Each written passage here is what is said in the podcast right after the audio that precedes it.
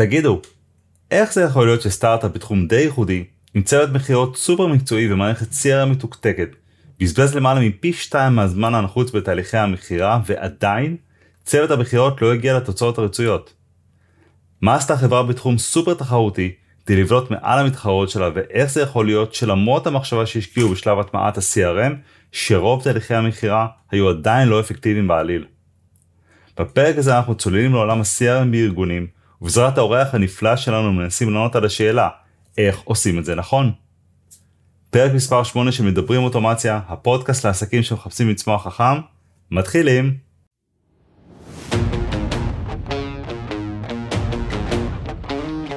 מלמדים אותנו שכדי להצליח בעסקים ובעבודה, צריך לעשות יותר ולהיות יותר. לשווק יותר, ליצור יותר מוצרים, להיות אנשי מכירות טובים יותר. אבל מה אם במקום לעשות יותר, הייתה דרך להוציא מכל פעולה שאתם כבר עושים יותר? בפודקאסט מדברים אוטומציה, נכניס אתכם לעולם המדהים של אוטומציה עסקית. נשמע איך הכלים, השיטות, בעיקר ה mindset, מאפשרים לחברות לשפר רווחיות, לגדול בצורה חכמה, להשיג יתרון עסקי על המתחרים. בכל פרק ננתח case studies עסקיים. נראיין מנהלים ובעלי עסקים שנחשפו לעולם האוטומציה העסקית והתמכרו. ניכנס אל מאחורי הקלעים של התהליכים, ננתח מה בדיוק היה שם, מהאסטרטגיה, דרך הטכנולוגיה ועד לאימפקט העסקי. שלום לכולם וברוכים הבאים לעוד פרק של מדברים אוטומציה. היי ענת. היי דודו, מה העניינים? בסדר גמור, מה שלומך? מעולה. יופי, ואנחנו מאוד מאוד מאוד שמחים לארח היום חבר יקר ובן אדם שאנחנו מאוד מחזיקים ממנו, תמיר מירן. היי תמיר. היי חבר'ה, סי דודו, היי ענת, תענוג וכבוד להיות פה. כיף שאתה פה איתנו, תמיר הוא ה-Chief Revenue Officer של בויה דיגיטל. אה, אתה רוצה לספר לנו קצת עליך, קצת על בויה, מה אתם עושים, ונחבר את כל זה גם לנושא של הפרק הזה? נקרא ה-CRM, חלום ושברו. בטח לגמרי, אז אה, בויה דיגיטל זה משרד אה, פרסום, אייג'נסי בתחום ה-B2B, אנחנו בונים אסטרטגיות שיווק לחברות, לחברות סטארט-אפ, לתאגידים, ובעצם עוזרים להם לסתור הזדמנויות עסקיות בארץ ובחו"ל. אני באופן אישי הצטרפתי לחברה לפני כמה חודשים, כ-CRO, באמת כמטרה להכניס את כל התחום של האסטרטגיה העסקית, וכמובן אוטומציה עסקית בתוך ארגונים וחברות, ובעבר שלי מנכלתי את אתר בניין ודיור כעשר שנים, ולפני כן הייתי בקבוצת הארץ כסמנכ"ל פיתוח עסקי. אנחנו מכירים מבניין ודיור, ומהפעילות שם, והתהליכים המאוד מאוד מגניבים שעשינו שם. נכון.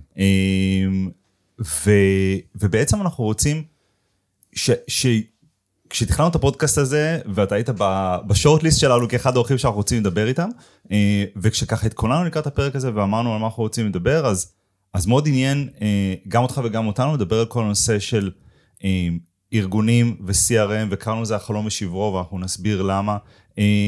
בוא תיתן ככה את השני סנט שלך על, על, על תהליכים בכלל, תהליכי מכירה בארגונים, תהליכי נרצ'רינג, תהליכי שיווק, איך אתה רואה אותם מתחברים לעולמות, ואיפה הכאבים הגדולים שאתה רואה אה, בתהליכים שאתם מובילים בעצם היום?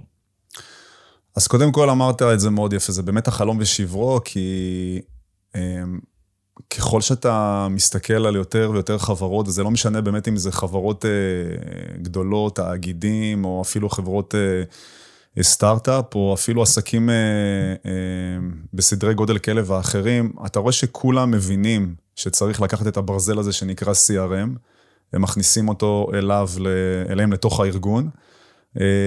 עושים את ההטמעה מאוד מהר, ואני אומר את זה מהר לא בקטע החיובי, אלא בקטע השלילי, כן. אין שם הרבה יותר חשיבה. ואז אתה בעצם מגלה ביחד איתם שהניצול של הפלטפורמה הוא... מינימלי. מינימלי. אם בכלל. אם בכלל, שזה בעצם הופך להיות סוג של אקסל ג' ד' ב'. בדיוק. ו... ולא נעשה שם יותר מדי, פשוט מתחילים לזרוק לשם כל מיני נתונים, אין הפקה של, של תהליכים, אין הבנה של התהליכים, מה אפשר לעשות עם זה, וככה זה נשאר. ואז אנחנו כ... כמשרד שבא ומסתכל מהצד על התהליכים האלה, אז אנחנו בעצם מנסים לעזור להם, קודם כל, לעשות איזשהו ריסטארט וחשיבה מחודשת. כי בעצם זו דוגמה שיצא לנו לדבר עליה לפני כמה ימים. זה כמו שאתה עכשיו מביא אדריכל למבנה שכבר בנוי. בדיוק. והוא מסתכל ולא יודע מה לעשות, כי חבר'ה... כי הכל צריך... כבר בנוי. לגמרי, וצריך להרוס את הכל מחדש אם רוצים לבנות את הכל נכון. אז, אה, אז זה בכל אופן האתגרים שאנחנו נתקלים בהם, שאנחנו באים לחברות וארגונים, אנחנו רואים שבאמת הדברים כבר בנויים והם בנויים בצורה לא, לא טובה. אה, לא נעשתה חשיבה גם מי הולך להשתמש במערכת הזאת, מי קהל היד בתוך הארגון, האם זה אנשי השיווק, האם זה אנשי המכירות, האם זה השירות, שמאוד חשוב להתאים את סוג המערכת לקהל היד, קודם כל הפנימי של הארגון, לפני שבכלל מדברים על הלקוחות. נכון.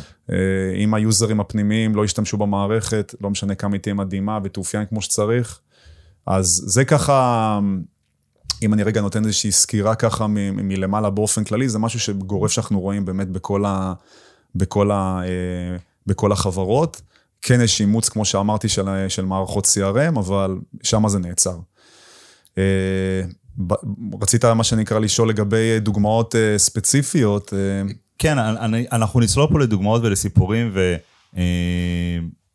גם, גם לנו ענת יצא לראות הרבה בדיוק, מקרים ש... בדיוק, בדיוק. אתה מדבר ואני ישר מעלה בראש את כמות השיחות. הלקוח הזה והלקוח הזה והלקוח הזה. כמות השיחות שהתחילו בענת, אה, עשיתי את ה-CRM, תראי, זה יופי, טה-טה-טה, ואז אני מסתכלת ופשוט יש לי חושך בעיניים. אני מבינה שכל מה שהוא עשה, והוא בטוח שהוא עשה מעולה, אני, אני, בא לי לפעמים לזרוק הכל ולעשות חדש. ואחת הנקודות שחשובות בהקשר של זה, זה, זה בלבול שיש הרבה פעמים, ואני מבין אותו, אוקיי? אני מבין בלבול שיכול להיווצר, וזה בין הברזלים, מה שנקרא, לבין ה... אה, כאילו לפעמים יש את המחשבה הזו שאם אני רק אקנה את המערכת הזאת והזאת, שהמליצו עליה, שסיפרו עליה, ששמעתי עליה, שאלה אותה בארגון הקודם, אז העסק יצליח. ואני אגיד שזה, שזה, שזה יהיה ה-CRM של הארגון, אז כל בעיותינו ייפתרו. ו... ויצא לנו, יצא לנו יותר מפעם אחת לעשות תהליכים שבהם אנחנו מעבירים אנשים מערכות CRM. יצא לנו גם לתקן הטמעות שהיו והיו פשוט לא הבינו את ה-use case העסקי, אבל גם להעביר ואפילו להעביר אנשים ממערכות כמו Salesforce, שבאמת, כאילו אני תמיד אומר Salesforce, באר המשאלות של עולם ה-CRM. כל מטבע שתזרוק פנימה היא תקבל ו... ותדע גם... אה, להגשים. אפשר, בדיוק, אפשר להגשים חלומות. ויצא לנו להעביר לקוחות מ... אה, לקוחות ספציפיים מ Salesforce ל-CRM אחר, במקרה הזה ל Pipedrive, ובמערכת באמת פשוטה יותר וקטנה יותר ועלות הטמעה הרבה יותר זולה, הם קיבלו פי עשר יותר ערך מעצם העובדה שפשוט מבחינתנו המערכת היא הדבר המשני בסיפור. לגמרי. מה התהליך שלך? מה קורה? מה, מה חשוב שאנשי המכירות שלך יעשו? מה חשוב שהלקוחות שלך יפגשו? אנחנו כל כך הרבה שאלות שואלים, על, ואני מניח שגם אתם, על התהליך, לפני שאנחנו מדברים על הברזלים עצמם. נכון. אני רוצה רגע להגיד אבל, אתה מתעסק בשיווק, ובעצם אותן חברות CRM באות ואומרות, קחו, תעשו לבד. יש tutorials, 1, 2, 3, לרוב הם לא יבואו ו- ויסבירו שצריך לעשות אפיון ולהבין את התהליכים וכולי. ולכן הרבה, מאוד מאוד קל ללכת לפתוח user וזה, בדיוק. ולשים את זה, ועכשיו יש לי CRM. כאילו, הם, הם חוטאים מצד אחד, מצד שני, הם מוכרים. יש פה נקודה שהיא מאוד, אה, כאילו, יש פה קצת לפעמים, אני חושב, יכול להיות אינטרסים אולי, אה, אני לא אגיד מתנגשים, אבל לא בהכרח ב alignment מלא. חברת CRM רוצה בגדול למכור יותר רישיונות. והדרך הזאת זה בוא, כמו, כמו שאמרת, בוא תפתח user ותתחיל לעבוד. אבל אה, הרבה פעמים על הדבר הזה מאוד לא שואלים את השאלות בכך מה התהליך, כי זה שאלות של עומק, אם אני חברת CRM כלשהי, ואני צריך לשאול את תמיר, תמיר, מה אתה הולך לעשות עם ה-CRM שלך? זה כבר יוצא מהתחום של למכור תוכנה, אני נכנס לתחום של ייעוץ וסרוויסס, ו- נכון. וזה לא מה שאני עושה, זה לא ה-DNA שלי. נכון. ואז אני חושב שקורה מה שאתה רואה הרבה פעמים, שפשוט אימפלמנטציות לא טובות, ופשוט לא, לא, לא מוצאים את המקסימום שיכול להיות מהכלי. אני חושב שמה שאתה אומר, אם אני כאילו עכשיו נמצא בנעליים של אה, מהצד של החברות, והייתי ממליץ להם איך בכלל לבצע תהליך רכישה של CRM, אז חבר'ה, קודם כל, אל תעשו קודם כל סקר שוק, HubSpot, Salesforce, Pipedrive, אוקיי? לכו שנייה רגע אחורה, תבינו קודם כל מה אתם צריכים, לכו תתייעצו עם אנשי אוטומציה, לא אנשי CRM. הם יעזרו לכם להבין את הצורך ואת הכאבים שלכם, והם גם בסוף ימליצו לכם בצורה הכי טובה איזה מערכת אתם צריכים לקחת. לגמרי. אה, זה לדעתי התהליך הנכון, זה מה שאני הייתי ממליץ לכל אה, בעל תפקיד בחברה, זאת הדרך הנכונה. אה, וגם הרבה פעמים יש, יש, יש כאילו שיקולים לא רלוונטיים, כאילו של, של עלויות, ו, אז בואו ניקח את המערכת החסכונית יותר, ובגלל שיש לנו כאילו רמת קונקשנים. ושכולם יעבדו על אותו user. כן, כן, ו- ויש את- יש את החברות שאומרות, אוקיי, יש לי כל כך הרבה קונקשנים, אז HubSpot לא כדאי לעבוד עליה, כי היא לוקחת הרבה מאוד כסף על כל קונקשן נוסף, אבל יכול, יכול להיות שזו המערכת המושלמת עבורך, נכון. יכול להיות שלא. לכו לאנשי אוטומציה שמכירים ויודעים את התהליכים לעומק, הם יעזרו לכם להתבונן פנימה לתוך התהליכי מכירות, שירות ו- ושיווק שלכם, ומשם לצאת לתהליך רכישה חכם. אתמול הציעו לי לשנות את השם משפחה לענת אוטומציה. אני אספר לך שאני אני עבדתי, אה, אני בתחילת הקריירה שלי, שהשתחררתי אה, והי- והייתי בלימודים, עבדתי באינטל. והייתי אחראי שם על פעילות, אינטל שפיתחו טלפונים סלולריים, והייתי אחראי שם על פעילות שנקראת אה, RF calibration. הקליברציה, ואיך הופכים את המשדר של הטלפון שישדר בצורה נכונה. סט של מדידות ובדיקות והמון אוטומציה בין מכשירים. ויום אחד, אה, ואחרי שכבר עזבתי שם וכבר זה, הגענו לאיזה אירוע, לחתונה של מישהי שעבדה איתי שם, ומישהו אמר לידי, לאשתי, אה, אני תמיד הייתי בטוח שהשם של משפחה של דודו זה מהקליברציה, כי תמיד אמרו, לך לדודו מהקליברציה, אף אחד לא, לא ידעתי שיש לי שם משפחה מציזנר נגיד. אז אה, כן, לחלוטין אני מאוד מזדהה. אז אוקיי, אז נגיד שאני עכשיו אה, אה, בארגון ואני רוצה לקחת החלטה לגבי מערכת CRM, ושוב, אני, רוצה מערכת מן הסתם שתשרת אותי, תיקח אותי הלאה. תן לנו איזה כמה, מהדברים שראית, איזה כמה דברים שאני צריך להבין, in the top of my mind, לשמור כל הזמן ולהסתכל, אה, ובואו נשמע אחר כך אה, באמת דוגמאות אה, למקומות שבהם אתם ראיתם שאפשר להוציא מהדברים האלה הרבה יותר, והרבה יותר ערך עסקי, מכירתי, שיווקי. אוקיי, אז אני, אני אגע ככה בכללי באיזשהו איזשהו עיקרון אצבע, נגיד בתחום המכירות, וגם אני אצלול כאילו מיד לדוגמה ראשונה על זה. אז בתחום המכירות, ואחד שעולם המכירות מאוד קרוב לליבו, אני יכול להגיד שב-DNA שלי אני איש מכירות. כן, כן. אה, וזה- אנחנו הכרנו כ- כשאתה היית בכובע הזה של ה- אני מנהל מכירות, תביאו לי CRM. בדיוק, אז אה, ומאוד, אה, אני גם מאוד מסתכל על, ה, על, ה, על הצד של האיש מכירות שנמצא בק- בקצה התהליך, מה הוא צריך, הוא לא רוצה כאבי ראש, הוא לא רוצה לבזבז את הזמן שלו, בסוף היום רוצה להביא כמה שיותר מכירות. אה, אה, ולגזור- במינימום קליקים. לגמרי, לגמרי, וגם הוא היה רוצה מצד שני לקבל הרבה מאוד מידע על הלקוח שלו. כן.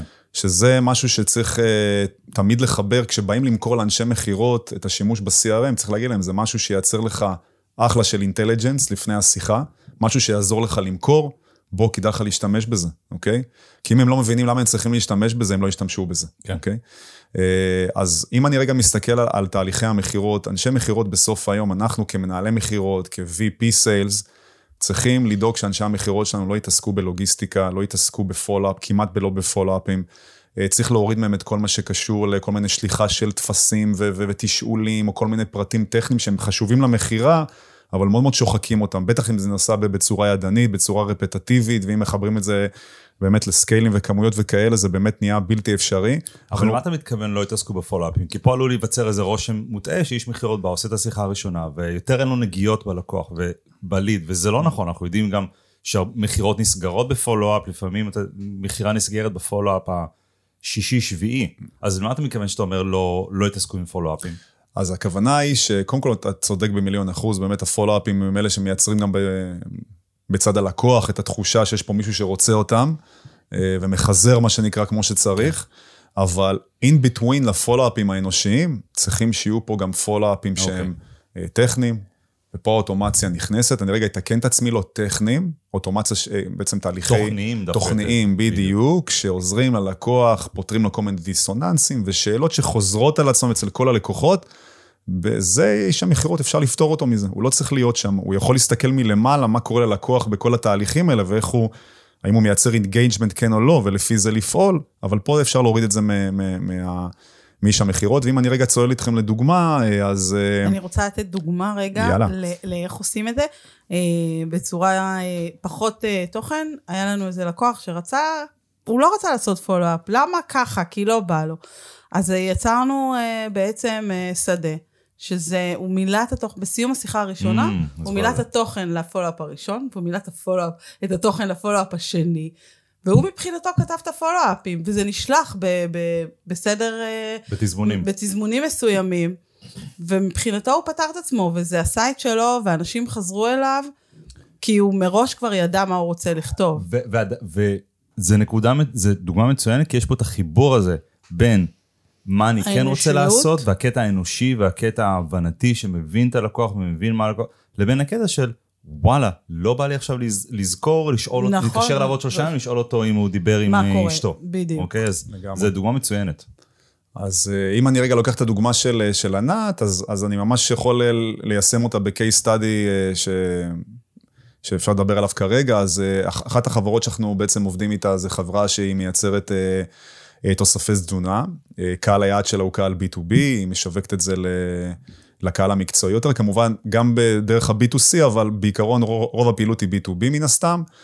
אה, וחלק מה... בעצם מתהליך המכירה מתבצע דרך אתר e-commerce שלהם, שהוא אתר B2B לכל דבר. אה, אתה בתור משווק יכול להיכנס, לבצע הזמנות של תוספי התזונה שלהם עם כל ההסברים שיש בתוך האתר, ובתהליך עצמו של הרכישה יש נקודה שלפני שאתה מתחיל להזמין כאילו quantities מאוד מאוד גדולים מאותו מוצר, אתה רשאי גם ו- ורצוי גם, כן, מי שרוצה לבדוק, אז הוא אה, אה, עושה בעצם אה, רכישה של samples, של דוגמיות.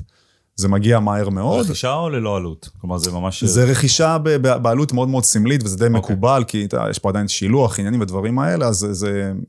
הצד השני כאילו מבין שהוא צריך לשלם איזשהו סכום מסוים, הוא גם מקבל גם כמות מאוד גדולה של, של דוגמיות, וזה, וזה בסדר גמור, הם מבינים את הערך. אבל כאן נוצר איזשהו, לנו בתהליך, שהסתכלנו על תהליך המכירה, ראינו שהרבה פעמים לקוחות נכנסים לתוך האתר, עושים את הרכישה של הדוגמיות, ואנחנו יודעים שהוא לא מבצע, אותו, אותו משווק לא קונה דוגמיות רק מאותה חברה, הוא מבצע סקר שוק, ומה שקרה, מה שהיה קורה בדרך כלל אחרי שאותו משווק קונה את הדוגמיות, היה מתחיל להתבצע תהליך, אפרופו, אוטומציה זה תהליך שיכול להיות מאוד Human ומאוד תוכני, פה נבצע תהליך שהוא מאוד מאוד שטוח וטכני. היה, הייתה יוצאת פשוט הודעה, הודעת מייל אה, אה, רפטטיבית ומשעממת, אוקיי, קיבלת את הזמפלס, מה אתה חושב? אתה רוצה לקנות? קיבלת, אתה רוצה לקנות? ככה זה היה חוזר באינטרוולים של כמה ימים, כן, את צוחקת, דרך אגב, זה, זה, אנחנו צוחקים על זה פה עכשיו, אבל זה ממש לא מצחיק, נכון. דרך אגב, זה דרך אגב, תהליכים... אה, זה, גם למי שתכנן את התהליך הזה, זה שם זה המון כסף שכל. על ש- הרצפה. וואו. אבל זה שם המון שכל בהקשר של, אוקיי, אז תמיר הוריד דוגמית, תמיר בקטע, אחרי שלושה ימים, תמיר אתה קונה? עכשיו, א', בוא נתחיל מזה שכמו שאמרת, תמיר הוריד דוגמיות, מעשר, הזמין דוגמיות מעשרה אתרים שונים. אז, אז הוא מקבל עכשיו עשרה מיילים של נו, אתה, או, או, טלפ, או טלפונים של נו, אתה קונה. ו, אמ, וגם בחיים של תמיר, מזמין הדוגמיות, מנהל הרכש של חברת whatever, ביומיים האלה עברו עכשיו מיליון אירועים, דוגמיות זה, זה דבר אחד שקרה, כלומר, בכלל לא צריך להניח, וזו טעות שהיא מאוד מאוד נפוצה. אם לקוח הוריד דוגמית, אז עכשיו יומיים הוא רק מתעסק עם הדוגמית, ובוא נשאל אותו מה דעתו על הדוגמית, והוא מוכן לקנות. לא, ת, תעלה ערך, ת, תזכיר לו עוד פעם מי אנחנו בכלל, כי אנחנו היו שאנחנו אחד מהעשרה אתרים שרואה אותם עם דוגמיות. למה חשוב, ולמה הדבר הזה זה, ואיך אפשר לנהל את הרכש בצורה... יש גם כל כך לפני הרבה כן שאפשר צריך לתת לו, לוודא שהוא באמת קיבל את הדוגמיות. בפן התפעולי. נכון, נכון, נכון. נכון. הרבה חד לפני משמעית. ששולחים לו מה קורה, רוצה לקנות. נכון. יש הרבה פעמים שאתה מקבל דוגמית ואתה בכלל לא מנסה אותה. נכון. היא פשוט שוכבת עם כל נכון. שאר הדוגמיות שאתה נכון. אה, אה, בדקת. אז אנחנו, אנחנו בעצם יצאנו לתהליך הזה, אה, כמובן, מתוך נקודת הנחה, אני, מה שנקרא, מודה ומתוודה, מתוך, נקודת הנחה שכבר הבן אדם בדק את הדוגמית, אבל הוא כרגע לא עושה רכישה. כן. ואז במקום להתחיל עם, ה, עם המיילים אה, השטחיים, אז אמרנו, אוקיי, בואו נעשה תהליך כמו... בואו רגע נחשוב, לפעמים אנחנו אומרים B2B זה משהו אחר, זה מאוד דומה ל-B2C. זה אנשים. אוקיי? זה אנשים, יש להם דיסוננס, הם מתייעצים עם קולגות, הם רוצים לקבל חיזוקים, הם רוצים לקבל re-insurance על המ- על המוצר שלך. נכון. בוא, בוא נתחיל לה- להרים להם, מה שנקרא. בוא נשלח להם case studies, בוא נשלח להם עוד מחקר, בוא נראה אם הם בכלל קוראים את הדברים. תראה, לקוח שלקח את הסאמפלס שלך וקרא את המחקר וקרא עוד case study, אוקיי? אז פה כבר אפשר כבר לייצר איזשהו מייל, עוד פעם, לא שטוח, אלא מייל שמניע למכירה. ודרך אגב, אנחנו גם המלצנו להם לקוחות כאלה, בואו תרימו להם כבר טלפון. כן. אוקיי? תרימו טלפון, איש המכירות כבר רואה מה הוא קרא, ה... זאת אומרת, הוא רואה את כל התהליך, את כל הפאנל שלו, ואז גם זו מכירה הרבה יותר קלה. אז וזה עשינו... להרים, וזה להרים טלפונים לאנשים שאתה יודע, שבהסתברות יותר גבוהה, הם בקטע. בדיוק, זה לא בזבוז זמן. אה, אז אנחנו, ברגע שמה מה, שנקרא, הכנסנו את כל התהליך הזה ל, ל, ל, לתהליך שמובנה תוכן, אה, ראינו אה, של עלייה של קרוב ל-20 אחוז. אוקיי? בהמרות שלהם, שעד היום זה... כן, זה היה פשוט מטורף. ועוד פעם, חשוב להבין, זה תהליך שמתחיל, חבר'ה, בתהליך רכישה באי-קומרס, זה לא דרך כל מיני אנשי דור טו דור, או, או כל מיני כנסים וכאלה, אז זה תהליכים הרבה יותר מורכבים. כאילו, יש לך הרבה מאוד ערפל, שלקוח נכנס אליך מצד אחד לתוך אתר, אה, אתר e-commerce, יש לך את המידע הטכני, איפה הוא גולש, איפה כן. הוא פה, אבל אין שום אינטראקציה אה, שאתה בעצם יכול להגיד, אוקיי, כמו שענת אמרה, האם הוא באמת, אוקיי, קיבל, אחלה, הוא באמת פתח את זה? נכון. אני, אני לא יודעת, אוקיי? אני כל הזמן מניחה הנחות, אז כל הזמן נכון. צריך לייצר את, ה, את הצמתים האלה, את הנקודות חום האלה, כדי לייצר לנו חימום, ואז להבין איפה הלקוח נמצא, ואז באמת הוא יהיה מוכן לבצע רכישה, הוא יהיה מוכן לשיחת טלפון. זה הבדל מאוד גדול בין, נגיד, להיות בתוך, באיזשהו כנס, ובכנס ה, ה, אמ, הנציג שלך חילק את הדוגמיות. ו...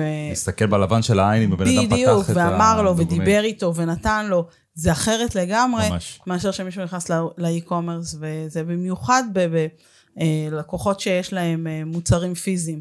אז לפעמים הפגישה האישית הזאת, שאני באתי ונתתי לך משהו וזרקתי לך עוד משפט ועוד מילה והסברתי, זה שינוי לגמרי, ובהחלט צריך לעשות את ההפרדה הזאת, וחשוב גם להעביר את המידע הזה לאנשי המכירות.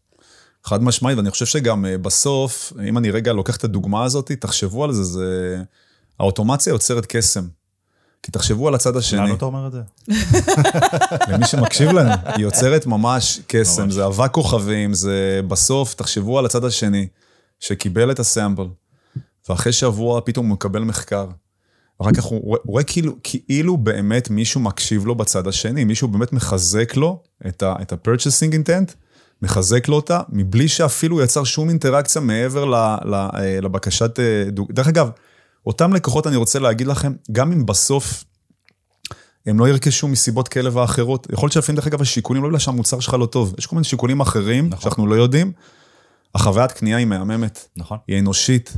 אתה רואה שבצד השני יש חברה שעוטפת אותך בתהליך הזה.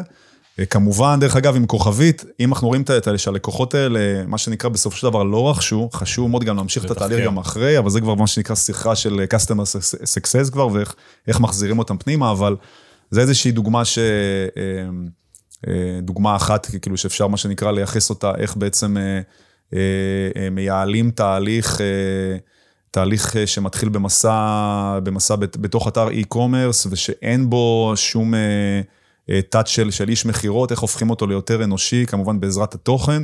ומגדילים בעצם את ההמרות בצורה מאוד מאוד משמעותית. אז א', זה, זה סיפור מצוין, ואני חושב ש...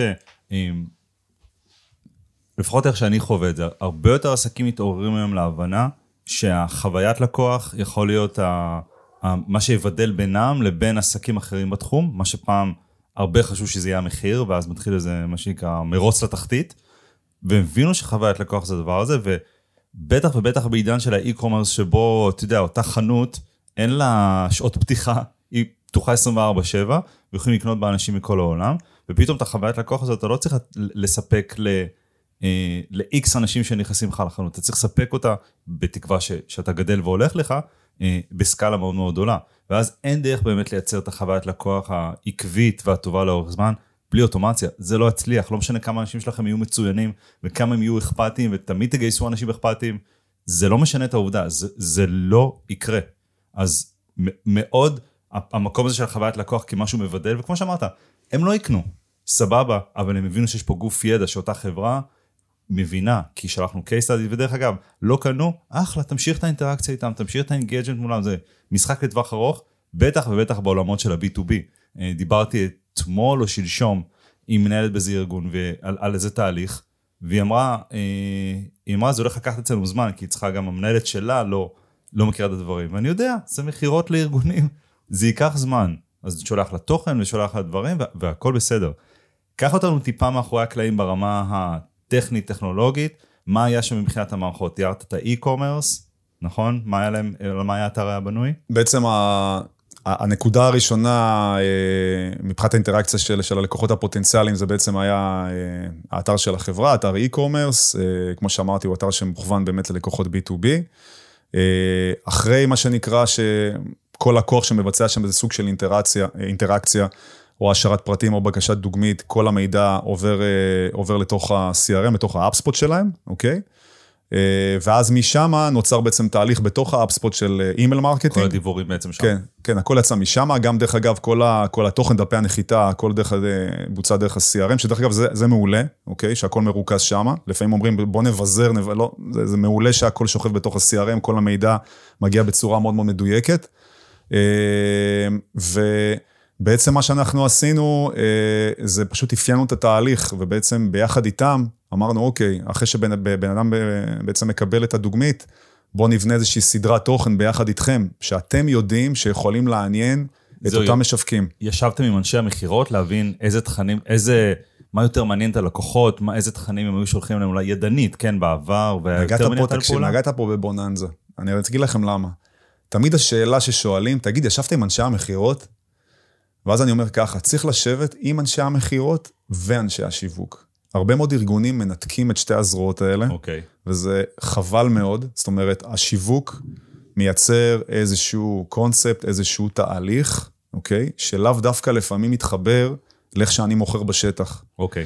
אז מה שבעצם עשינו זה... זאת אומרת, הש- השיווק חושב שאם רק נראה להם אה, רעש וצלצולים וצבעים ועדויות המון, אז זה יעבוד, ובא מכירות ואומר, לא, זה אם אתה מבין מי הוא ומה מה מעניין אותו ברבעון הזה, אז... אה, לגמרי, כאילו, האיש שיווק ייקח אותך ל branding, אוקיי? ל messaging. האיש מכירות תגיד, חבר'ה, הלוגיסטיקה, הזמן אספקה, הזמפס. מגיעים באיכות לא טובה, סתם דוגמה, כן, זה לא המקרה, כן, אבל הם ממש יודעים מה הפידבקים מהשטח. ויש לפעמים, והנתק הזה, דרך אגב, יוצר הרבה מאוד בעיות. אז, אז אין פה שאלה למי אתה מקשיב, אתה צריך לשבת עם שניהם. אוקיי. אוקיי? ולהבין את התהליך. בסופו של דבר צריך למצוא איזושהי נקודת אמצע, כי אתה לא רוצה להפוך את התוכן למשהו שממש נוגע ב... אוקיי, הדוגמית הגיעה מאוחר, או לא איכותית, או לצורך העניין, פת... כאילו, הדברים מאוד מאוד... אתה אתה צריך גם לעטוף את זה באיזשהו אבק כוכבים, עדיין יש פה מותג, יש פה חברה, יש לה כן. מסר, יש לה ערכים. אז uh, לשבת עם שניהם ביחד וליצור איזושהי סדרת, uh, uh, uh, סדרת תוכן. גם דרך אגב, אפרופו נגיד סתם ששולח נגיד case study, אז יש פה נגיד איזו שאלה, אז אנשי המכירות אומרים, למה לשלוח case study כל כך ארוך? זה משעמם. כאילו, למה לש... בואו בוא, בוא, בואו נניע אותם יותר, אנחנו רוצים מהר, מהר, מהר לסגור אותם. כן. ואנשי השיווק יגידו, רגע, לא רק שנשלח case study אחד, בואו נשלח עוד אחד. נכון, צריך לבשל עושים? אותם. בדיוק. אז אנחנו אומרים, אוקיי, בוא נשלח case study, ובתוך ה-case study בוא נשים מגנטים, אוקיי? נפזר, אוקיי. אוקיי? נפזר בפנים מגנטים, call to action. תן דוגמה ל-call to action כזה בתוך תוכן. זה יכול להיות, זה יכול להיות uh, מהדברים שכולם, uh, ש, שכולם מכירים, רק צריך מה שנקרא לדעת איך להשתמש ובאיזה מינון. זה יכול להיות uh, call to action שיכול לעבור רגע לפני יציאה מאותו, uh, מאותו דף מחקר, אז אתה מה שנקרא מקפיץ לו איזושהי הודעה שתופסת אותו, זה יכול להיות מה שנקרא uh, מגנטים ברמה של צ'טבוטים, שתוך כדי הסקרולים נותנים איזושהי הצעה מסוימת. אוקיי, עכשיו אם אותו בן אדם עדיין לא מבושל למכירה, הוא פשוט יתעלם מאותם, נכון. מאותם מגנטים, והוא יעדיף לקרוא, אוקיי? אז אם אתה רואה שבאותה נקודה לא בוצע שום המרה של ליד, אז אנחנו מבינים שצריך להמשיך עם סדרות תוכן. ואם לא, כן. אם הוא מילה, סבבה, אז איש המכירות ייקח אותו ויעשה לו כבר אה, שיחה, או לייצר את אותו מייל שמניע לפעולה. זה יכול להיות גם אה, בסוף, אפשר להשאיר פרטים. לגמרי, אם מישהו הגיע עד הסוף, כנראה שהוא בשל. לגמרי, לגמרי. אנחנו עשינו פעם פיילוט, אה, עשי- עשיתי בדיקה בזמנו שהיה לידי את ה... אה, אה, לידי אשתי את הסטודיו שלה, והייתי שולח, היינו שולחים ניוזלטרים, ואני הייתי, כל לינק בניוזלטר אה, מתייג עם מזהה ייחודי, כמו UTM, ייחודי אליו, ואז אחר כך בודק ב-CRM איזה המירו יותר, איזה, מאיפה נרשמו יותר ומה המיר יותר. וממש כאילו, מה, ונדבר על ניוזלטרים ארוכים, ואני אומר לכם שהלינקים האחרונים האחרונים בסוף, המירו הכי טוב. חד נכון. משמעית. ו- וזה, ואנשים חושבים שהיום אין לאנשים סבלנות, הם לא קוראים מיילים, קוראים מיילים. מי אוקיי? שרוצה תוכן לקנות, טוב, יקרא. אדם נכון. הרלוונטי, יקראו אותו. נכון, בגלל זה גם אה, טבולה ואוטבריין עושים את שלהם. נכון. נכון, אבל אל תפחדו, מה שנקרא, להניע אנשים לפעולה בסוף, ולתת להם... תפחדו לכתוב תוכן. ולכתוב- תוכן מקצועי, נכון, מעניין, תוכן מעשיר. תומך מכירה. נכון. וגם. דרך אגב, אפרופו מה שאתה דיברת כרגע, לגבי מגנטים והכל, אז חשוב להבין שרוב הצריכה היום היא בתוך, ה, בתוך המובייל, ושם אנחנו צריכים להיות מאוד cost effective, אה, לא cost effective, יעילים, סליחה, ב, בניצול שטחי הפרסום. זאת אומרת, אתה לא יכול לשים, לפזר כל כך הרבה אה, מגנטים שם שיתפסו את העין של הבן אדם, צריך לשים את זה במקומות אסטרטגיים, ליד תמונות, בסוף, אולי להגדיר אחרי 80-90 אחוז scrolling, להקפיץ לו איזה משהו, לגמרי. אה, כי זה מאוד מעצבן. כן, ו- ו- ו- ו- ואת האנשים האלה, שהם האנשים הכי engaged, קחו אותם הלאה ותעשו איתם משהו. נכון. אוקיי, אז, אז בעצם לקחנו אה, סיפור אחד מהעולם של, אתה יודע להגיד במספרים כמה המהלך הזה, אה, מה הוא שיפר, אה, אה, איזה שיפור ראיתם כאילו מבחינה מספרית בתהליך? אולי ש- המרה מדוגמאות ללקוחות, אולי שביעות רצון מהדוגמאות, אולי לאורך זמן. תראה, הוא, הוא שיפר להם באופן חד משמעי, כמו שאמרתי, נוצר להם ב-20% יותר הזמנות. זה כאילו היה באופן, באופן גורף. אנחנו כן גם רואים שברמה של פולו-אפים של כאלה שלא המירו, עכשיו יש להם מידע. כן. עכשיו יש להם מה שנקרא BI מאוד מאוד חכם, והם יכולים להחליט מה הם רוצים לעשות איתו. אוקיי? האם אנחנו רוצים לקחת את האנשים האלה, ואולי לכנס הבא להזמין אותם, אוקיי? לחזק את מה שנקרא, מעולה. ואז שם, כמו שענת אמרה, אין כמו למכור בתוך כנס, אוקיי? כן. אה, וכמובן, אה, אה, המידע הזה גם מאפשר להם לבנות אה, עוד תהליכים, אה, נותן להם מה שנקרא בסיס אה, להמשך, שזה מבחינתנו הדבר, אה, הדבר הכי חשוב שיכול לנו להעניק בתהליך הזה. מהמם. אז ה-CRM הפך להיות מסתם מקום שמאחסנים בו מידע לכלי, ל-actionable. בואו בוא נראה אולי עוד דוגמה, עוד סיפור לקוח שהוא, אה, שגם כן אה, ידע למנף את העולמות האלה ואת הפעולות האלה מבחינה מכירתית, מבחינה עסקית. אז ככה, אז, אז, כמו, אז כמו שאתם יודעים, בעולמות ה-B2B יש לפעמים הרבה מאוד מוצרים שיש להם הרבה מאוד... אה, אה, אה, תהליך הקנייה הוא מאוד מאוד טכני. יש הרבה, הרבה מאוד שאלות טכניות, אה, בניגוד לרכישה של דוגמית מסוימת, אוקיי? אז אה, יש הרבה מאוד אה, פרטים טכניים שמאוד גם פה מקשים על תהליך המכירה ולהביא את הלקוח לנקודה שבה אתה כבר יכול להגיד, אוקיי, הוא בשל למכירה כי הוא יודע מה המשקלים, מה הגודל, מה העומסים, רגולציה, עניינים מהסוג הזה, ואיש המכירות צריך להתעסק עם כל השאלות האלה, וזה שאלות שחוזרות על עצמם, ושוב, פה יש את השאלה, אה, האם אני נותן לאיש המכירות שלי להתמודד עם כל התהליך הזה? רוב החברות כן נותנות לאנשי המכירות, הן בעצם מאמינות, האיש המכירות הוא הכי מקצוען, הוא הכי יודע את, את, את, את כל פרטי הפרטים, אז כדאי שהוא ידבר עם הלקוח, כן. כי זה יכול ליפול בין הכיסאות, ואנחנו אומרים שלא. למה? גם אני לא מסכימה עם זה. למה? אני, למה איש המכירות כל היום צריך להתעסק עם שאלות טכניות? כמה שוקל ומה האורך, והאם במדינה שאתה נמצא הרגולציה כן או לא? למה? הכל ידוע מראש, התשובות ידועות, בוא ניתן את זה ללקוח. זאת אומרת, 90% מהשאלות האלה כבר נשאלו over and over, לגמרי. אין סיבה שעוד בן אדם יענה על זה שוב, שוב. גם אפשר אה, לכתוב את זה בצורה מסודרת, לדעת, ל- ל- פה כל הדאטה. זה לא דברים שצריך לבדוק, יש היום מחשבונים לכל השליחויות, למשקלים, להכל, הכל, הכל. אז זה משהו שאפשר. אבל אני רוצה רגע לחדד נקודה ש... של המכירה. שלא תמיד איש המכירות צריך להתעסק בתפעול, וגם לא תמיד איש המכירות הוא זה שיסגור את העסקה. הרבה מאוד פעמים יכול להיות שצריך להוסיף איזושהי שיחת אה, יועץ. מישהו שהוא, אה, אם זה, אם אנחנו הולכים רגע למקום של, אה, של תוספי תזונה, אז צריך את הדוקטור שייתן את הטון, שיש להם שאלות יותר, אה, זה לאו דווקא שאלות מקצועיות, אבל כשאתה עושה שיחת מכירה עם דוקטור, אז זה, זה נותן גושפנקה, ו, וזה עובד. זאת אומרת שאיש המכירות הוא איש מכירות, והוא מדהים, והוא מסביר הכל, והוא נותן, הדוקטור נותן לו חיזוק. מסכים איתך לגמרי, וברגע שאת בונה תהליך עם כל האינפורמציה, מאיזה תוכן אותו פרוספקט כאילו צרח. המכירה הופכת להיות מכירה ייעוצית בדיוק. על המוצר עצמו, ולא איזשהו אה, משהו שהם מתחילים להתעסק ב bits and bytes. נכון. וזה מאוד מאוד חשוב. אני מסכים איתך לחלוטין, זה... פה אנחנו כבר מגיעים, מה שנקרא, ל dreamland של עולם המכירות. לא לגמרי, זה ממש ככה, אתה לוקח את זה למימד אחר, ומה שאת מכניסה פה זה בעצם, זה החלום לדעתי של כל חברה, שאתה כבר יכול לשלב את הקטע של היועץ המקצועי. לא משנה אם הוא בא כ-case study, או ממש כאילו איזשהו session עם אותו איש מקצוע. אה, זה כבר ברמה, אלה כבר רמות מאוד גבוהות, אבל הן חייבות להיות מושתתות על איזשהו בסיס של database, שנותן לך את הפידבק הזה. בדיוק, וכמו שאמרת קודם, אם אנחנו יודעים שיש סט של שאלות שהנה ה-70% מהם שחוזר על עצמו שוב ושוב, ואני יכול להכין תוכן מקצועי מאנשי מקצוע, מה שנקרא, מציג אינו רופא, שבא ועונה על הדברים האלה לדוגמה, והוא אוטוריטה בצורה כזאת או אחרת, ואז אני יודע להנגיש את זה לא סתם ב- ב- ב- באתר שלי לכל מי שנכנס. אני מגיש את זה לבן אדם שדיבר עם צוות, עם איש מכירות, סימנו שההתנגדות היא X, וזה התוכן בדיוק, ובדיוק יש לי תוכן מקצועי שנותן את המענה לזה, אפילו סדרה של תכנים, אז, אז אני נהיה נורא נורא רלוונטי. כשלפני זה פשוט יריתי, ירקתי את התוכן שיש לי על בן אדם וקיוויתי, כאילו ריססתי אותו על אוטומט וקיוויתי שמשהו ידבק. אז אה, אנחנו יודעים גם שהמון המון אה, שיחות מכירה, יש התנגדויות. למה? כי אני לא רוצה, אני, אני לא רוצה לדבר עם איש מכירות, אני חושב שהוא דוחף לי.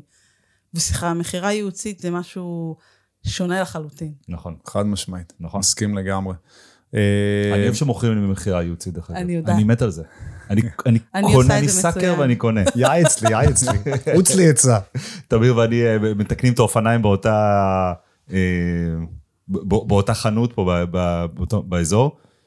והבחור שם הוא כל כך מייעץ שהוא מאפסל אותנו כאילו על כל דבר, לא, אתה צריך לא, לא שרשרת, אולי כדאי גם גלגלי שיניים, כי זה יחליק לך, יאללה תחליף לי גם גלגלי שיניים. הולך, איפה נמצא אלף שקל, אבל יאללה, נו, בוא נעשה את זה.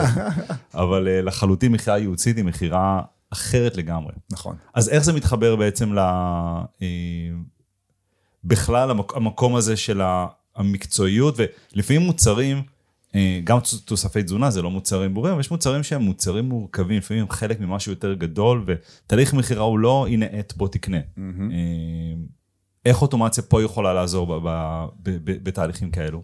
אז ככה, אז פה אנחנו בעצם מדברים על, אה, על דוגמה, על לקוח שבעצם אה, יש לו אה, אה, ידיות אה, אחיזה למוצרים, קארי הנדלס, אוקיי? זה ידיות שבעצם אתם מכירים אותן משישיות של מים מינרליים ושל קוקה קולה, שבעצם המטרה של המוצר הזה היא בסוף היום אה, כמה דברים. אחד, היא חוסכת בזיהום סביבתי, היא- חוסכת לאותו משווק אה, לארוז את המוצרים כדי ללסט אותם. גם ללקוח הסופי, ל-B2C, קל לו הרבה יותר מה שנקרא לה- להרים שישייה או כל דבר אחר שיש לך את הידית אחיזה ולא אתה לא צריך מה שנקרא לחפון את זה ב, ביד שלך. יש, לך, יש דרך אגב סרטים מאוד מצחיקים ביוטיוב על הדברים האלה שמנסים... שמתפרקים? כן, כן, או- שרים שזה מתפרק, או שרואים נגיד איזה בן אדם אחרי סוף יום עבודה מגיע לבגאז' של האוטו וככה, כולו מזיע ומת ופה, ואז זה כאילו הידית אחיזה, זה כאילו הפתרון. גם נשים לינק בתגובות. מה זה תמיד נקרא לי. אל לא תגידי, לא כן את לא הידית קנית אחיזה מתאימה. בכל אופן, אז כמה שהמוצר הזה, אגב, נראה כל כך פשוט, יש עליו כל כך הרבה מפרט טכני בתהליך המכירה למשווק, יש כל כך הרבה שיקולים. שאנחנו כרגע לא ניכנס אליהם, אבל אני אגיד כאילו כמה ברמת, יש כמו רגולציה לכל מדינה, כמה משקל אפשר לשאת, ואם נגיד אתה רוצה לייצר את זה ב mass production, אתה רוצה לשים על זה גם איזה סוג של פרשום, פרסום labeling על הזה, אז, אז, אז זה סוג, סוגי מכונות אחרים, ויש בזה הרבה מאוד מפרטים טכניים. אז שמתחיל, כמו לקנות וילון. כן, כן. יהיה תקשיבו, לנו זה... פרק על וילונות. בכל אופן, אמ, אז זה מסוג המוצרים שכמו שאמרתי מקודם, איש המכירות צריך להתמודד כאן עם הרבה הרבה מאוד נקודות וצמתים של שאלות מצד הלקוח, עם שאלות לגיטימיות לגמרי. אה, זה מוצר לא זול, אה, הוא נותן זה פתרון. גם- זה גם מוצר שלקוח לא קונה אותו ושם על השולחן, צריך עכשיו להבין- איך הוא מטמיע את זה בתוך המוצר שלו, זאת אומרת. אה, יש פה, סלחו לי המילה, אינטגרציה. לג- לגמרי, יש פה, אה, יש פה הרבה מאוד גם תהליכים אחרי הרכש, כמו שאתה אומר, איך המוצר הזה בכלל משתלב ב labeling שלי, אם זה בכלל מתאים לי. אז כמו שאתם מבינים, זה באמת תהליך מאוד מאוד מורכב, ו, ו, וגם פה, אנחנו, כשנכנסנו לתהליך, אז התחלנו, נכנסנו למה שנקרא לתוך, ה, לתוך ה- הקונטקסט ב-CRM של, של אותו לקוח, והתחלנו מה שנקרא לקרוא בצורה מדגמית את ההתכתבויות שיש להם עם הלקוחות. ו... ואתה פשוט אתה מתחיל לראות באמת drill down של מיילים מטורפים, עם מפרטים טכניים, עם שאלות, ואתה רואה, אתה רואה, המיילים בסקיילים, אני מדבר איתכם על מאות מיילים, וואו. ואנשים עושים את זה, והם יושבים ו- ו- ו- ומנסים לתת את המענה, לפעמים גם דרך אגב, אתם מכירים את זה שאתם רואים את העצבים מתוך המייל? נו, ברור. אתה, אתה רואה כאילו, עוד פעם, לא ב... הבן אדם כבר נהיה מתוסכל, כאילו השאלות חוזרות על עצמם, והלקוח לא מבין, ו... ועוד פעם השאלות חוזרות, אתה אומר, וואי וואי, מי זה שמע... מתחבר למה שדיברנו עליו ממש לפני שהתחלנו להקליט. בני אדם לא נועדו לעבודות הרפטטיביות האלה, ולענות על אותה שאלה שוב ושוב ושוב ושוב. אנחנו לא, זה לא טוב לנו. אנחנו צריכים, אנחנו הרבה יותר במקום של היצירתיות, פתרון בעיות, ואם אני צריך לענות, לעשות, דרך אגב, אוטומציה יכולה על, על, על לענות על אותה שאלה שוב ושוב. היא מתה על זה. נכון, חד משמעית. היא... במיוחד אם זו אותה שאלה. בדיוק. אגב, דרך אגב, יש את הדבר הזה, הרי לקוחות במקומות מסוימים רוצים שאיש המכירות יהיה יצירתי, הם מחפשים את הפתרון שלנו, אוקיי, כאנשי מכירות, אבל יש מקומות שהלקוח בודק אותך, והוא רוצה שתהיה עקבי, אוקיי? לאנשים קשה להיות עקביים, לא כי הם חס וחלילה משקרים, אתם יודעים איך זה, לפעמים, אתה יודע, אתה אומר משהו שקרוב ל-10, קרוב ל-8, אבל הטווח הוא בין 8 ל-10. לא, הלקוח רוצה לשמוע כל הזמן 9. כן. 9, 9, 9. אה, לא אמרת 9? אוקיי, אז תפסתי אותך עכשיו. ירד ירד לך בסקור. בדיוק, והאוטומציה לא תסטה לא ימינה ולא שמאלה, נכון. בטח ב- ב- בכאלה פ- שאלות של, של מפרטים טכניים, אז באמת ראינו את המיילים האינסופיים האלה, וכאן בעצם אמרנו, תקשיבו, הבעיה שלכם זה לא אה, מה שנקרא במוצר או באיש מכירות, זה נכון, זה תהליך שלוקח כמה חודשים, כדי מה שנקרא לקבל החלטה אם, אם לקנות אתכם, אבל בואו ניקח את כל הסט המטורף הזה של המפרט הטכני, ובואו נאפיין אותו. ונכניס אותו, מה שנקרא, ל, ל, ל, ל, ל, ל, למבנה תוכן, אה, שבעצם עובר שלב-שלב, באיזה שלב הלקוח שואל על רגולציה, באיזה שלב הוא מדבר על השלב של מה שנקרא אה, כל אה, המדדים הטכניים, האם זה מתלבש לו למוצר או לא, ואז גם לשלב של ה production, כמה זה יהיה לו, חילקנו את זה ממש גם אם לשלושה. הוא, אולי הוא, אם הוא לפני דמו או אחרי דמו, זה בדיוק. שיח אחר לחלוטין. מטורף. לפני דמו אני חושש, כי אולי זה לא זה. אחרי דמו, אם לא ככה גלגלתי אותך מכל המדרגות, אז אני, אה, אז, אז, כאילו אני כאיש מכירות, נגיד אני עכשיו החברה ואני מוכר, יש לי קצת יותר כוח בידיים, כי קיבלת את הדמו שלי, אה, ואתה עדיין מדבר איתי. זאת אומרת, יש לנו פה משהו טוב הולך, נכון. נכון? חד משמעית, ופה מה שקרה באופן דרמטי, אחרי שעשינו את האפיון הזה, אה, דרך אגב, פה באמת ישבנו לא, אה, פחות עם השיווק, ישבנו עם אנשי המכירות והתפעול, אוקיי? שזה בכלל, עוד פעם, אם קודם דיברנו חשוב לשבת עם השיווק והמכירות, כאן הוצאנו את השיווק מהתמונה, כי אנחנו מדברים על משהו שמאוד אה, מאוד טכני, וישבנו עם אנשי התפעול וה- והמכירות של החברה, וניסינו לראות איך בעצם אנחנו אורזים את כל, ה, אה, את כל התהליך הזה אה, בצורה כזאת שהצד השני יבין אותו, אה, שהלקוחות הפוטנציאליים יבינו אותו, ובאמת, דרך אגב, אני פה אומר, זה לקח זמן, זה לא לקח מה שנקרא בטייק אחד. בטח. הסשנים הראשונים, דרך אגב, שראינו שעשינו, הם בהתחלה היו כלליים מדי, וראינו ששאלות ספציפיות חוזרות. דרך אגב, זה כל היופי באוטומציה, יש לך תהליך למידה, אתה רואה אותו, הוא מול העיניים שלך, אתה רואה איפה טעית, אוקיי? במיילים אינסופיים של אנשי מכירות, אתה לא אתה יכול לא לדעת יכול איפה... למצוא את נכון. הנפילות. איפה, נכון. בדיוק, ו- ודרך אגב, זה עוד מסר מאוד חשוב. דרך אגב, הכותרת של הפודקאסט היא החלום ושברו, אוקיי? אז פה אנחנו רוצים רגע לתקן. שעוד פעם, תבינו, זה לא רק התוכן והמכירה בסוף והשירות, זה היכולת, הלמידה האינסופית שיש לנו מעל, על, כתוצאה נכון. מהתהליכים האלה. זה ממש, אה, יש משהו שנקרא ערך שיעורי. אם אני עושה פעולה כלשהי, אם נשאר לי אחריה עוד, אה, איזה ערך נשאר לי אחריה.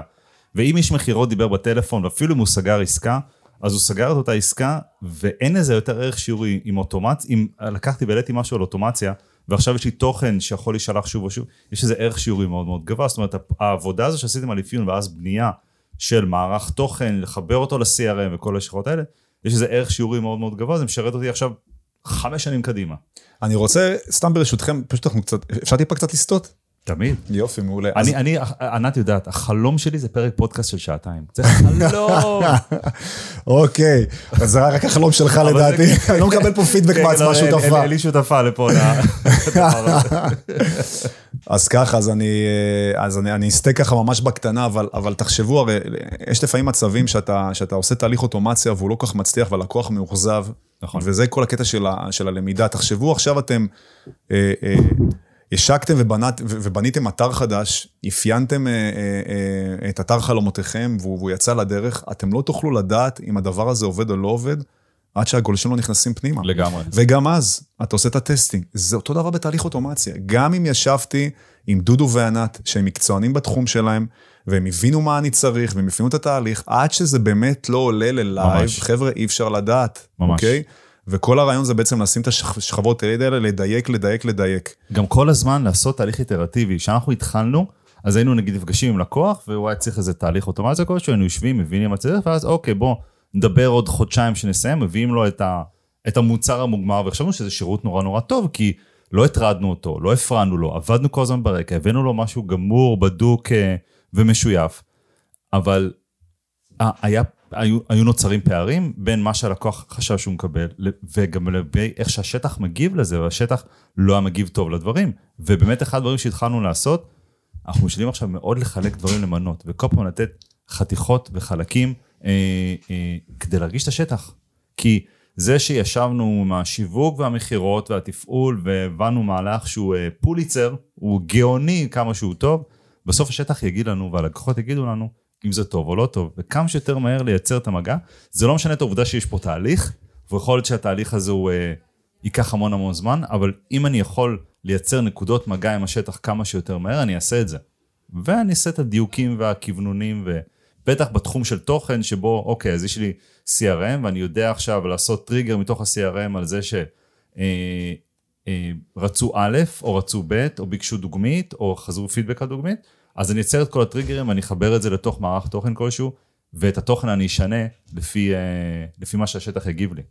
אה, אני לגמרי מסכים גם עם כל הנושא של, אתה יודע, לעבוד ממש ב, על מודולים קטנים, ואז משם לצאת אה, לדרך. לגמרי. רק כדי, מה שנקרא, לסגור פה למאזינים שלנו את המעגל, אז בכל אופן, אחרי, אחרי שיצאנו לדרך, עשינו באמת את כל הכוונונים, בטייק הראשון והשני זה פחות עבד, כי לא עשינו מה שנקרא, לא ירדנו ממש לפרטי פרטים של הבנה, אה, עוד פעם, ביחד עם, ה, עם, ה, עם התפעול והמכירות, באמת איך סוגרים את כל הפינות ל, ללקוח הפוטנציאלי. אבל ברגע שמה שנקרא, הוספנו עוד כמה שלבים אה, בין לבין, עוד כמה, מה שנקרא, שלבים מקדימים, עוד שאלה, עוד איזשהו אה, מרכיב תוכן, הצלחנו להביא למצב, עכשיו תקשיבו טוב, הצלחנו להגיע למצב שבעצם הורדנו את כל ההתעסקות של המפרט הטכני לאנשי מכירות בקרוב ל-80 אחוז. זאת אומרת, אנשי מכירות, התחלנו לראות שכל תהליך האוטומציה פילטר את כל הנושא של השאלות הטכניות, ומאותו רגע איש המכירות לקח כבר את השיחה למקום של, אוקיי, הבעיה הטכנית נפתרה, אוקיי? בואו נדבר עכשיו על הדברים של sales. בדיוק, אה, שיח משמעותי. לגמרי, מחיר, עניינים, ש... כל הדברים, אתה יודע, כל הדברים שקשורים גם ל branding על המוצר, דברים שבאמת איש מכירות אוהב להתמודד איתם. גם תן לי לדבר עם בן אדם, תן לי לדבר עם בן אדם בצד השני, שזה האיש מכירות. ולקבל את התחושה שיש שם מישהו שהוא שם בשבילי ואכפת לו, והוא לא רק רוצה לקחת את הכסף שלי ולב... תן לי את ה... המכירה? לבל... בדיוק, תן לי לבלות זמן עם בן אדם, נכון. שהוא באלמנט שלו, כי הוא, הוא מטפל בהתנגדויות ועושה את כל הדברים החשובים, ולא עונה על אותה שאלה שהוא ענה עליה מיליון פעם. וכשהוא באלמנט שלו, הוא ייתן לי את התחושה ביטחון, שזו החלטה הנכונה, וזה הדבר הנכון לעשות, וזה כל כך ווין ווין מכל uh, כיוון, שאין לי מילים לתאר כמה הדבר הזה הוא... Uh, אני חוזרת לארכיטקט, לבנות את הקומה הראשונה. לבדוק שהיסודות חזקים, בטון, ורק אחר כך עוברים לקומה השנייה. לגמרי, חד משמעית. זה חשוב, מאוד, חשוב, חשוב. ואז החלום הוא מתוק מאוד. נכון. נכון. ורוצים עוד, עוד, עוד. תגידו, אפשר גם לזה לעשות אוטומציה? כן, ואני צריך כן. לשלוח לו חוזה לחתימה, אפשר גם... אה, כן, בדיוק. כן. אה, דוגמאות מצוינות, ואני חושב ששוב, אה, יכולנו לדבר על עוד המון מקומות שבהם באמת החשיבה הנכונה והתכנון והחיבור של זה עם, עם האוטומציה שגורמת לזה לקרות, והמערכות שלשמחתנו היום רובן פתוחות בענן, ואני יכול, מה שנקרא, לחבר אותם אחת לשנייה ולעשות תהליכים משמעותיים. אה, אז באמת נתת לנו פה את, ה, את הזווית הזאת מתוך, מתוך ה-B2B, שפשוט צריך לזכור, תהליכי B2B, תהליכים ארוכים. תתכוננו לתהליך ארוך. נסגר במעט זמן, היה לי מכירת enterprise שנסגרה תוך אה, יומיים, זה אחלה, אבל זה חריג. לגמרי. זה דברים כאלה לא קורים. אה, אז מעולה. תמיר, יש לנו uh, פינה פה, שהוספנו אותה לא מזמן, שהיא נקראת uh, uh, משהו שלמדתי על אוטומציה השבוע. אורייט. Uh, אז אנחנו ככה מתקינים אותך, אבל אני... Uh, אז, אבל, אבל אנחנו נצפה ממך גם ל, לערך uh, גבוה. אה, יש לך כמה דקות לחשוב על זה עד שדודו יגיד את הדבר שהוא למד השבוע. כן, מה שאני למדתי השבוע, אה, שהכנתי אה, אוטומציה קטנה לאשתי, לסדנה שהיא עושה, ואצלה בעסק שלה ושל הבן שלי, שנקרא מאורות ירוקים, עושים נרות אקולוגיים, זה לא מעמד מכירה. אז הכל מנוהל ב Airtable, ועשינו שם database ב Airtable שבאמת ילד בן 10 מתפעל, וזה נורא נורא כיף לראות את זה. אה, וכל המידע שם זה היה כל מיני מכירות מאנשים שהיו באים לפה ומירידים וכאלה. אה, תמיד היינו לוקחים רק טלפון, היינו לוקחים אימייל. ורצינו לעשות עכשיו מהלך שבעצם אנשים רוכשים כרטיס לסדנה ונוצרות כבר נמצאים ב database של הלקוחות, אבל אין לי אימייל שאני יכול לחפש לפי בקלות. עכשיו, חיפוש לפי טלפון זה טריקי. פעם עם 0, פעם עם 972, פעם עם מקף, פעם בלי מקף, וזה תמיד זה. אז אה, פשוט מה שעשיתי, ברגע שאנחנו מקבלים את הפרטים של הבן אדם, מקבלים את, ה, אה, אה, את הסליקה שלו לצורך העניין מדף הסליקה, וזה מגיע ל Make, אה, לוקחים את הטלפון, ממירים אותו אוטומטית לפורמט של פלוס 972 וה, וה, אה, ומספר כזה. בתוך ה-Airtable עושים גם נוסחה שלוקחת את הטלפון, לא משנה באיזה פורמט הוא כתוב, עם אפסים, עם מקפים, לא משנה מה מביא את זה, גם לפורמט, ואז כשאני יודע שהטלפון שלי הוא באותו פורמט, אז אני, קל לי להשוות ביניהם. אז זה משהו קטן, זה לא מורכב, רק צריך ב database שלי שיהיה לי את הטלפון בפורמט הגלובלי הבינלאומי ובאוטומציה שהוא יהיה כזה, ואז קל לי להשוות, בניגוד לאימייל שתמיד קל להשוות אה, ולמצוא את זה. אה, זהו, משהו קטן שלמדתי על אוטומציה השבוע. קודם כל, זה מאוחר שלמדת את זה. זה באמת זה. אני, א', באותו נושא, אה, גם נתקלתי באותו אה, דבר. אה, מה שחשוב זה שכבר בדף נחיתה, או בדף סיכה, לא משנה, מאיפה שאתה מקבל את הפרטים, שיהיה ולידציה. אני נתקלתי השבוע בדף נחיתה, לא משנה, שלא היה ולידציה על טלפון. אז מישהו השאיר לי אפס. Mm. אפס זה לא ולידי. נכון. אפס זה שובר לך את כל האוטומציות, אין לו נכון. למה להשוות. אפס שובר אותך באופן כללי. בדיוק, בדיוק. אז, אז זה קודם כל, תדאגו שיהיה ולידציה בטפסים שלכם, בשביל ש... שאנשים לא ישאירו לכם סתם פרטים. לגמרי. זה חשוב, חשוב, חשוב. וזה לא ידפוק לכם את האוטומציה.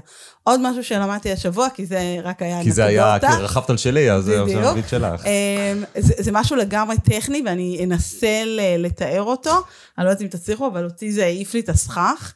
אני, אמ, מי שמכיר את האוטומציות הפנימיות של איירטייבל, אז אפשר להזיז שם שלבים בגרירה. אני לא ידעתי את זה. מה זאת אומרת להזיז שלבים? לקחתי את השלב וואו. ולגרור אותו לשלב הבא ולשים משהו מעל.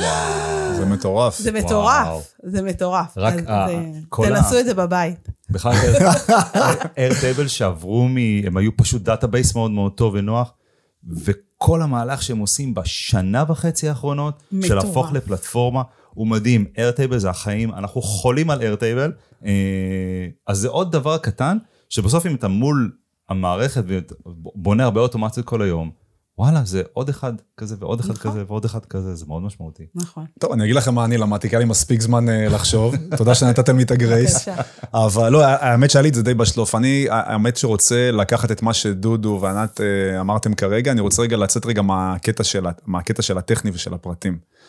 ולדבר באמת לקהל יעד, בכלל, לכל קהלי היעד שלנו, אוקיי? שזה אנשי שיווק ואנשי תפעול ואנשי מכירות וכולם. וברמת החברה, אוקיי? אוטומציה, בסוף היום, אם מסתכלים על זה בקטע הרחב, מתחברת מאוד ל storytelling של החברה. אוטומציה, אם עושים אותה נכון, אוקיי? היא מספרת את הסיפור ללקוח בצורה עקבית, יצירתית, אנושית. ברגע שארגון מבין את זה, זה נופל לו האסימון, הוא מבין שהוא יכול לנצח בסביבה העסקית שלו, את המתחרים, וגם כמובן להביא את הלקוחות למקומות אחרים. זה המסר שלי, דרך אגב, אה, באופן כללי, שאני מדבר עם לקוחות. זה המסר, דרך אגב, אם, אני, אם, אם התחלנו את, ה, את, ה, את, ה, את הפודקאסט בכותרת החלום ושברו, אז אם אני רגע רוצה לסגור את המעגל, אז מבחינתי אוטומציה זה באמת אה, אה, ה storytelling הבא, אוקיי? שגופים יצטרכו להשתמש בו. לגמרי. אני חושב שזה גם השליחות שלנו, של אנשים שאוהבים את, ה, אוהבים את התחום הזה ומשתמשים בו ומשדרגים אותו. אה, זהו, זה המסר שלי. לגמרי. תודה, תמיר. תמיר מירן, תודה רבה. תודה לכם. היה ממש כיף לארח אותך פה. ממש. אה, ענת גרינברג, תודה רבה, דודו ציזנר. ביי ביי. ביי.